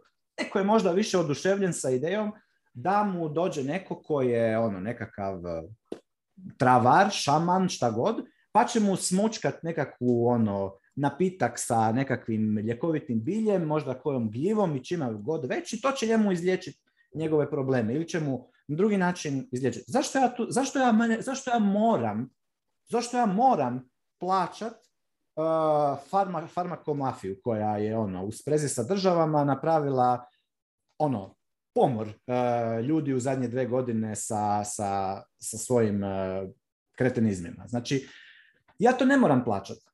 To jest, moram jer me sili, ali hoću reći, kada god neko pita zašto, kako, kako bimo mi, ako nema države, kako bimo mi financirali infrastrukturu, ceste i tako dalje, Znači, samo uzmite primjere onoga što država sad trenutno ne dira ili što dira najmanje, gledajte kako to izgleda i onda pogledajte kako izgleda ono što država upravlja. I vidjet ćete odmah ono, što idete u skali više, više države, to vam je ono veća smrt, siromaštvo, bolest e, i, i ono katastrofa.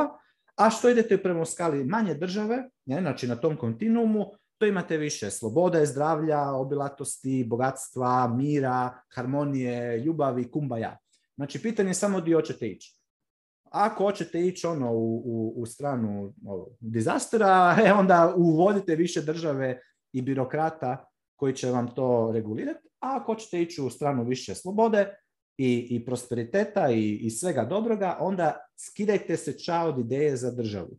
Ništa šta god vi hoćete proklamirati zakonom, da tako mora biti, to nema, otkačite se općenito od ideje da kontrolirate tuđe, tuđe živote. Šta bi neko drugi trebao raditi nije vaš posao. Vaš posao je samo šta bi vi sami sa sobom, vi imate kontrolu nad samim sobom, nad svojim odlukama, nad svojim vremenom i respektirajte tu, tu isto kod drugih ljudi.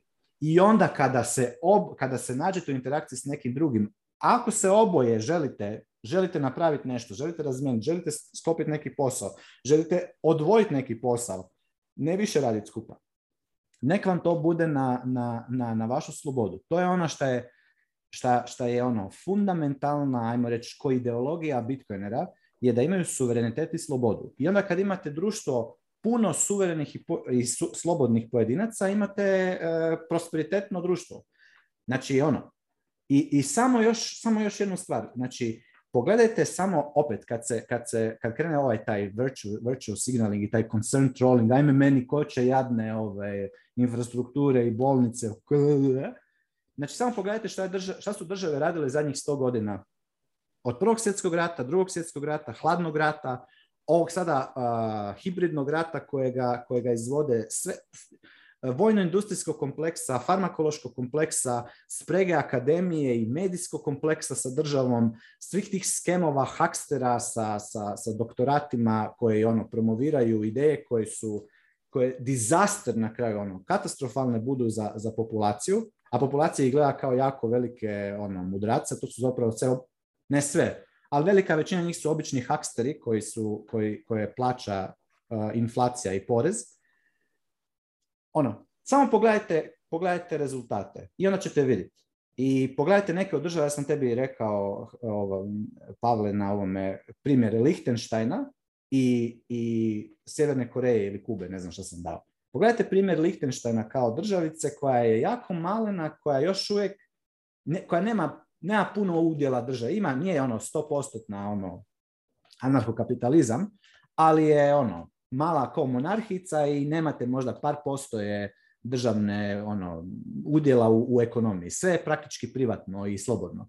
Pogledajte stanje u Lichtensteinu, pogledajte stanje u, u Kubi ili Sjevernoj Koreji, gdje država sve, sve kontrolira. Slobodno odite pogledati na YouTube nekakav dokumentarac pa ćete vidjeti kako se zapravo stvarno živi. To su vam dva ekstrema, dva pola, a vi se nađete negdje gdje ćete vi. Ja uvijek idem prema ovome ekstremu, odnosno ovome polu koji je slobodan, koji niče državu. Što je manje države, to je bolje, to su bolje. Infrastruktura i ceste, i zdravstvo i sve ostalo. Evo, to je rent gotovo, ne dam se, prosto. Da, jedna samo stvar je da država zapravo i ne gradi puteve, gradi privatne kompanije, a država se zadužuje da bi to isfinansirala. Znači, nama po Srbiji puteve prave kinezi, e, tako da taj dug zapravo e, i to ogromno zaduživanje pravi te puteve, svakako ih prave privatne kompanije na, na račun svih nas i to verovatno mnogo više košta nego što bi nas stvarno koštalo, kao što si ti već rekao. E, ja ću bukvalno ovako sada, od sada uvijek ovakva pitanja stavljati na Twitter, zato što e, ovako pitanja početnika mislim da nam daje dobru perspektivu kako zapravo odgovoriti na pitanja. zato što pitanja koje neko nov o Bitcoinu ima ili neke opaske uvijek se svode na, znači na, grupu od, ne znam, dvadesetak pitanja koje ti stvarno možeš imati jedan video koji zapravo 10 minuta odgovara ko će graditi puteve ako je Bitcoin to i to i onda da imamo, možda mi kao grupa da imamo video koji će stvarno odgovoriti na ta najčešća pitanja gde kada god neko krene da me smara od prijatelja, porodice, kaže ne, čekaj, nemam ja vremena za to, evo ti YouTube, evo ovaj klip ide 10 minuta i ti tu temu zašto to tako funkcioniše. I mislim, moje pitanje je više bilo, ja sve to znam, znači meni nije bilo potrebno, ja sam se, problem moj je bio kako sve to iskomunicirati na način da taj neko razume, da shvati, znači trebali su mi konkretni primjeri kako ja njima, ja sad kad njima pričam to je ono polarizacija, ja dajem jednu stranu, oni idu na ovoj drugoj, ali meni trebaju neki konkretni primeri kako bih ja sad objasnio njima zašto to funkcioniše u nekoj državi, zašto ne, evo na primjer moje, moja konstatacija je da nama zapravo privatne firme grade puteve, a ne država kao država, i da nam dolaze radnici iz drugih zemalja i grade ovde puteve po Srbiji i da ko zna koliko sve to košta, to su oni razumeli. Znači, kada daš konkretan primer, to je okej. Okay.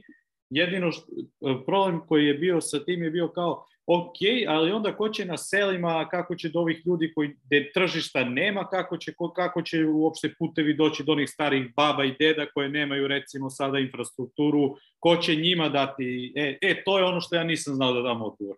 I da, ovo da. sam zato postavio pitanje na Twitter. Odlično, ali e, znači, e, stvar je tome što ta, ta, ta pitanja nisu tako lagana za odgovoriti ono kratko, jer to je jako duboka i široka tema.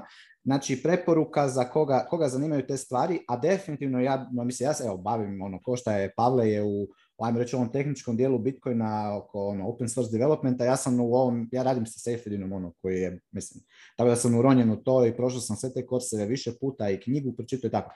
Dva su, dva su korca na, na, na ovu temu, to je dosta duboka tema, tu se to e, govori o tome.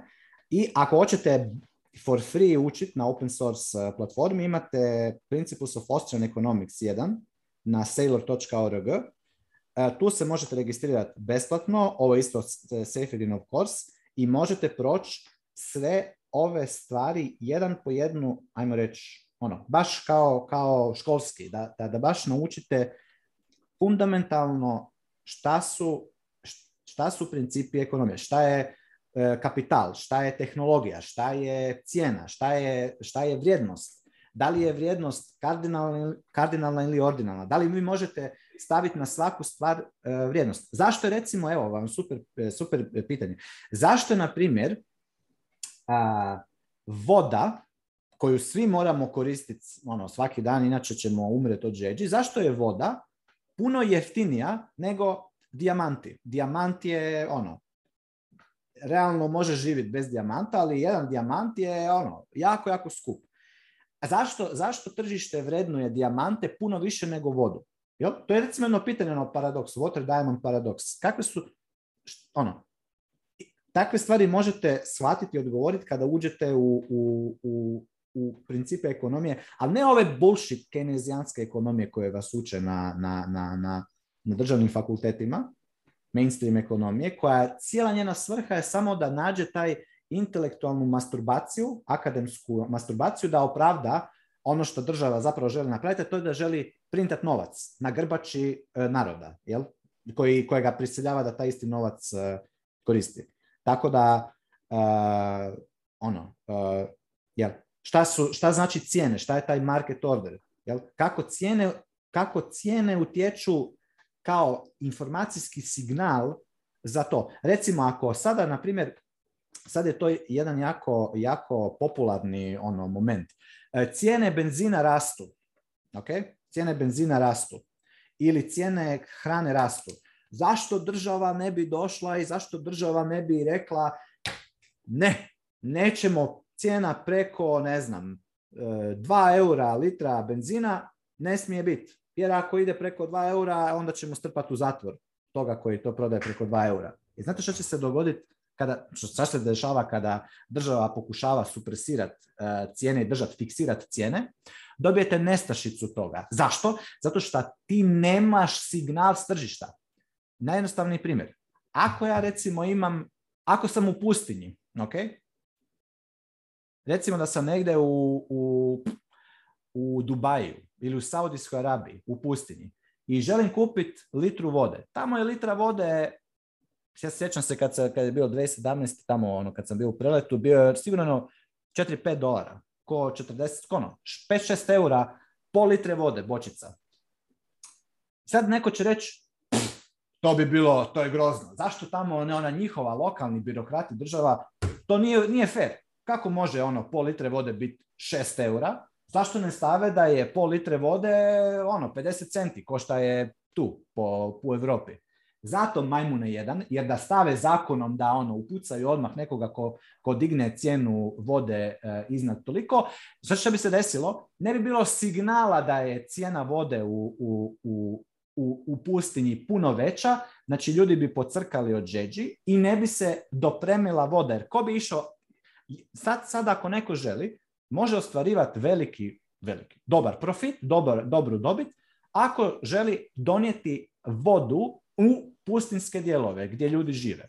Znači, ako ste, ako ste spremni uhvatiti se nekakvog posla, imate jako veliki ono, oštar poduzetnički duh, kupite vode, ono, ne znam, 10 tona, 10 tona vode u Srbiji ili u Hrvatskoj ili negdje na nekom izvoru vode gdje je cijena litre vode niš, ono, par centi, stavite, nađite transport, kako ćete transportirati tu vodu u, u, na Bliski istok, u Saudijsku Arabiju ili negdje na, na to i ostvarit ćete veliki profit. Je, znači ćete se morati naraditi, nije to baš samo tako logistički za izvest, ali to je ono što je tržište. Znači tamo gdje, tamo gdje cijena ide gore, to potiče proizvođače da, da namire, jel? da namire tu potražnju, jel, da sruše cijenu natrag dolje. A čim se država upetlja u to, kad prekine taj, taj link između, između ponude i potražnje, radi dizaster.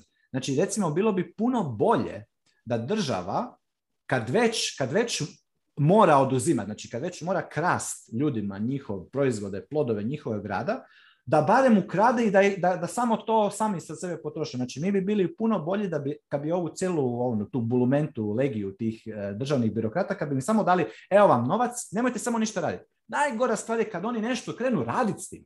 Znači kad recimo krenu graditi cestu sa tim. Jer onda vam efekti toga da grade cestu, znači oni vam uzmu resurse, posle te ljude, mašine, arhitekt, ono, grad, građevinare, arhitekte koji, koji sad umjesto da rade nešto što tržište traži, oni rade nešto što birokrati smisle da traži. I onda dobijete, a pa ono, dobijete efekte, to se zove misalokacija kapitala. Znači, gdje vi recimo imate isčašenu industriju, recimo takva je, isčašena je industrija nekretnina, razvoja nekretnina. Vi imate, vi, jako je skupo angažirati građevinsku firmu da vam kvalitetnu, dobru da vam nešto radi. Zašto? Zato što država vas uzme, uzme vam taj, taj, taj resurs, jel? crowd out se to zove, crowding out effect. i jednostavno vam, vam radi resurs. I onda recimo dobijete, najbolje vam se to vidi u Kini. Pogledajte kako takozvani ghost cities jel, u Kini. Imate gradove koje je kineska komunistička partija izgradila, ogromne milijunske gradove koje ni, praktički niko ne živi. Grad za 5 milijuna ljudi, u njemu živi 60 tisuća ljudi, 100 tisuća ljudi. Alo, to su vam sve ono perverzije toga centralnog planiranja na bazi nasilja. Ne. Odite u slobodu, otkačite se od ideje države, držite Bitcoin i sad ću ići još kupiti Bitcoin, ne sam se odmah nabrio. Treba start the beast. Znači, ne hranite državu sa, sa, sa tim glupostima. E, I učite ovo. Oko god je ovo pitao, pošalji ga slobodno na, kod mene, ja ću mu sve to objasniti. Ma šaljem odmah podcast, zato sam ovo ovaj, kao temu. Dobro, da, pojenta priče tržište kao i što si ti dao odgovor, samo što treba malo dublje zaći zapravo, ali to je ono, moje pitanje je zapravo bilo kako sad sve te stvari koje su dosta kompleksne objasniti ljudima u bukvalno pet minuta razgovora. To je jako teško i onda verovatno treba imati ono pristup pravim resursima ok, izgradit će ga možda tržište, evo ti, ja ti to mogu, mogu objasniti, ali ako stvarno hoćeš da razumeš to, to i to, pa čitaj ako te interesuje, tako da ovaj, to je jedini odgovor. I o, sad kada pričamo o državi, ja ću uvijek da se setim one definicije iz škole koju smo mi, zapravo ja ne znam, ovdje ja na ekonomskom fakultetu, ja sam onaj jedan od ovih koji si pomenuo malo pre, samo što sam onda shvatio bukvalno ono, dva ispita pred kraj da to nije za mene i da mene to neće ni srećnim i ono, to je to. Ali ovaj, da, ono, država je aparat za ugnjetavanje od strane vladajućih klase, mislim, tako su nas učili. Znači, aparat za ugnjetavanje, kako ti onda, mislim, pa dalje da pričamo. E, to je, to je definicija knjiška koju smo imali na, na ekonomskom fakultetu iz predmeta prava, tako da je to meni uvijek bilo ono, znaš, kakav bre aparat za ugnjetavanje, šta je to, mislim, ono to treba. Tako da, da, da. Malo smo ja i ti krenuli u ovaj rent. Nikice, ovaj, si nam dobro. ne, jako, bilo mi je zanimljivo slušati. Nisam se htio ubacivati. Lijepo ste to sve pokrili i zapravo nemam ništa previše na dodat. Kao što ste i sami rekli, to, to je jedna ono vrlo kompleksna tema koju ne možeš eh, u pet minuta nekom objasniti. A zapravo se svodi na to da su, da su te neka principijelna načela drugčija. Znači, e, Pavo je, malo pričao o tome, znači, e, austrijska ekonomija je, je vrlo drugčija iz, iz, iz tih nekih pogleda i načela e, od, od kenezijanske ekonomije i ove modern monetary theory zapravo koja, koja prevladava danas tradicionalnom svijetu, tako da mora, moramo se spustiti do nekih ono first principles da bi uopće mogao objasniti zašto bi nešto moglo funkcionirati ili ne, ne moglo funkcionirati. A da bi se spustio na first principles, prvo trebaš ono nekog izazvati, odnosno challenge taj njegov, njegov stav koji ima, koji je, koji je stekao kroz sve ove godine zapravo i koji ima o, o, tome kako svijet funkcionira, kako ekonomija funkcionira, kako država funkcionira i to, to su neke ono strogo ukorijele e, stvari o kojima prosječni ljudi uopće zapravo ne, ni ne razmišljaju, tako da kad mu jednom botneš ga u tako nešto, to je, to je ono rabbit hole sam po sebi i, i to definitivno nije tema koja, koja se može pokriti e, za, pet, za minuta, ali evo, Pao je već tu lijepo pričao o tome, mislim da je ono dao odličan odgovor na, na, na ovo pitanje koje, koje si Super ti da, da, samo sam samo kratko. Mm. Super stvar je što kad, e, recimo pogotovo u ovim periodima kad je ovako malo beriš e, akt, ono, price sa, sa Bitcoinom, uvijek imate opciju, ono, dve, ajmo reći, dve stvari raditi da si, ne da si ubijete vrijeme, nego da, da ono, da, da vas recimo ne, ne, ne, da ne idete nešto, nešto previše tradirati ili nešto, nešto pip, pip, pipkat po, po, svojim, po svojim bitcoinima.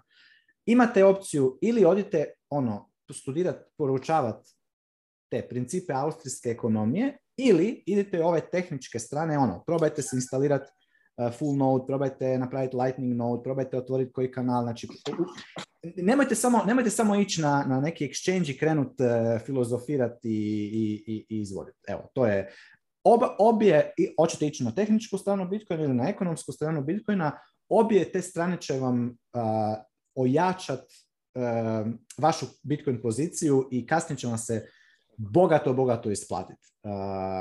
Evo, to tako, tako je, Bitcoin Rabbit Hole je, je dubok i širok i, objedinjuje jako puno jako puno stvari, tako da e, svak, svakog Bitcoin u konačnici ono kad ti sjednete privuče iz, iz jednog aspekta koji možda nekom drugom nije, nije nije toliko bitan ili tako nešto njega privuče, možda nešto drugo, ali ono rabbit hole je ogroman i upravo to ono, čitajte o, o austrijskoj ekonomiji, o filozofiji, o, o svemu, evo ono, opet ću spomenuti prestano podcast gdje je Gigi gostovo, ono, gdje Gigi usporedio ono Bitcoin sa životom. Tako da, ono, ima tu i filozofije i, i, i Matija i Braš su zapravo na, jučer smo su objavili taj podcast E, ajmo reći, filozofski neki pristup Bitcoinu, tako da mm, ono, u principu samo treba sve dublje i dublje upadati u taj rabbit hole i onda ono odgovarati sam sebi na neka pitanja. Jel,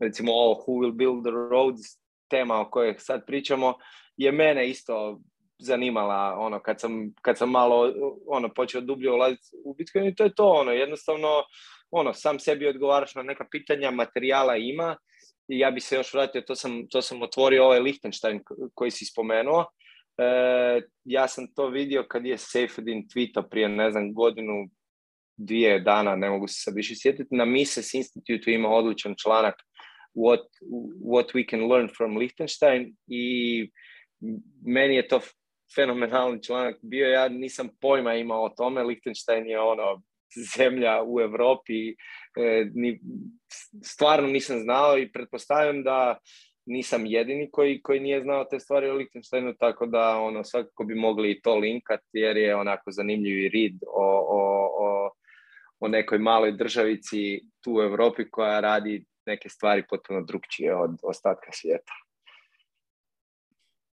Apsolutno. Znači, poenta, da, poenta uložiti u sebe svoje znanje, a, tržištu će trebati ljudi koji razumiju Bitcoin, mnogo je više onih koji neće razumeti nego nas koji ćemo ga razumeti i onda eto, prilike za biznis, prilike za otvaranje novih ono, preduzetničkog duha i stvaranje novih biznisa, pružanje usluga tako što ste vi uložili pet godina da razumete Bitcoin i shvatite ga možda malo i tehnički i tako to. Tako da umjesto što tradujete na exchange-u shitcoine ili jednostavno se brinete oko cene, pogasite sve to i krenite da učite. Kada shvatite monetarno svojstvo i sve ostalo, bit će to sve mnogo lakše.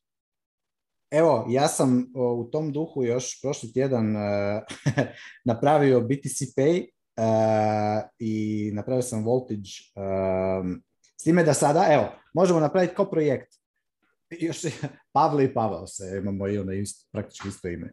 Znači, možemo, ovaj, Pavle će mene ono, pomoći voditi malo da popuni moje tehničke rupe, jer ja sam sad recimo napravio ovo, tu trebam setupat wallet i lightning node, još to je ono što, to što mi je, e, što trebam riješiti i onda ono, počet to, počet to ovaj, e, koristiti i integrirati ovo na, na Safedinovu i platformu i svašta nešto, svašta mi moramo tu još e, složiti. A ja ću kad budemo imali ovako nekakve, ne znam, ekonomske možda nejasnoće, onako moći to objasniti kao god, ako ima neko pitanje na tu temu možemo, e, možemo o tome pričati. To da, ja bi mogao recimo o tome puno, puno više nego o tome, nego ono, ovo moram, o, ovo mi treba pomoć. E, mislim, treba, mogu bi sam, ali bi puno više vremena potrošio. To je ono što se uvijek, kad, se, kad dvoje ljudi se razmijeni, kad razmijeni znanje, e, ono, e, ja recimo ili ću sad sam ja ići ono kopat i trošiti par sto ili par tisuća sati na, na, na integra ono, kako da integriram BTCP i Lightning Node i to se skupa. Ili ću kroz ne znam, desetak sati sa Pavlom koji je to već prošao, ono, jednostavno iskoristiti njegovo ono, masovno, masovno znanje u tome i skratiti si put. I obrnuto.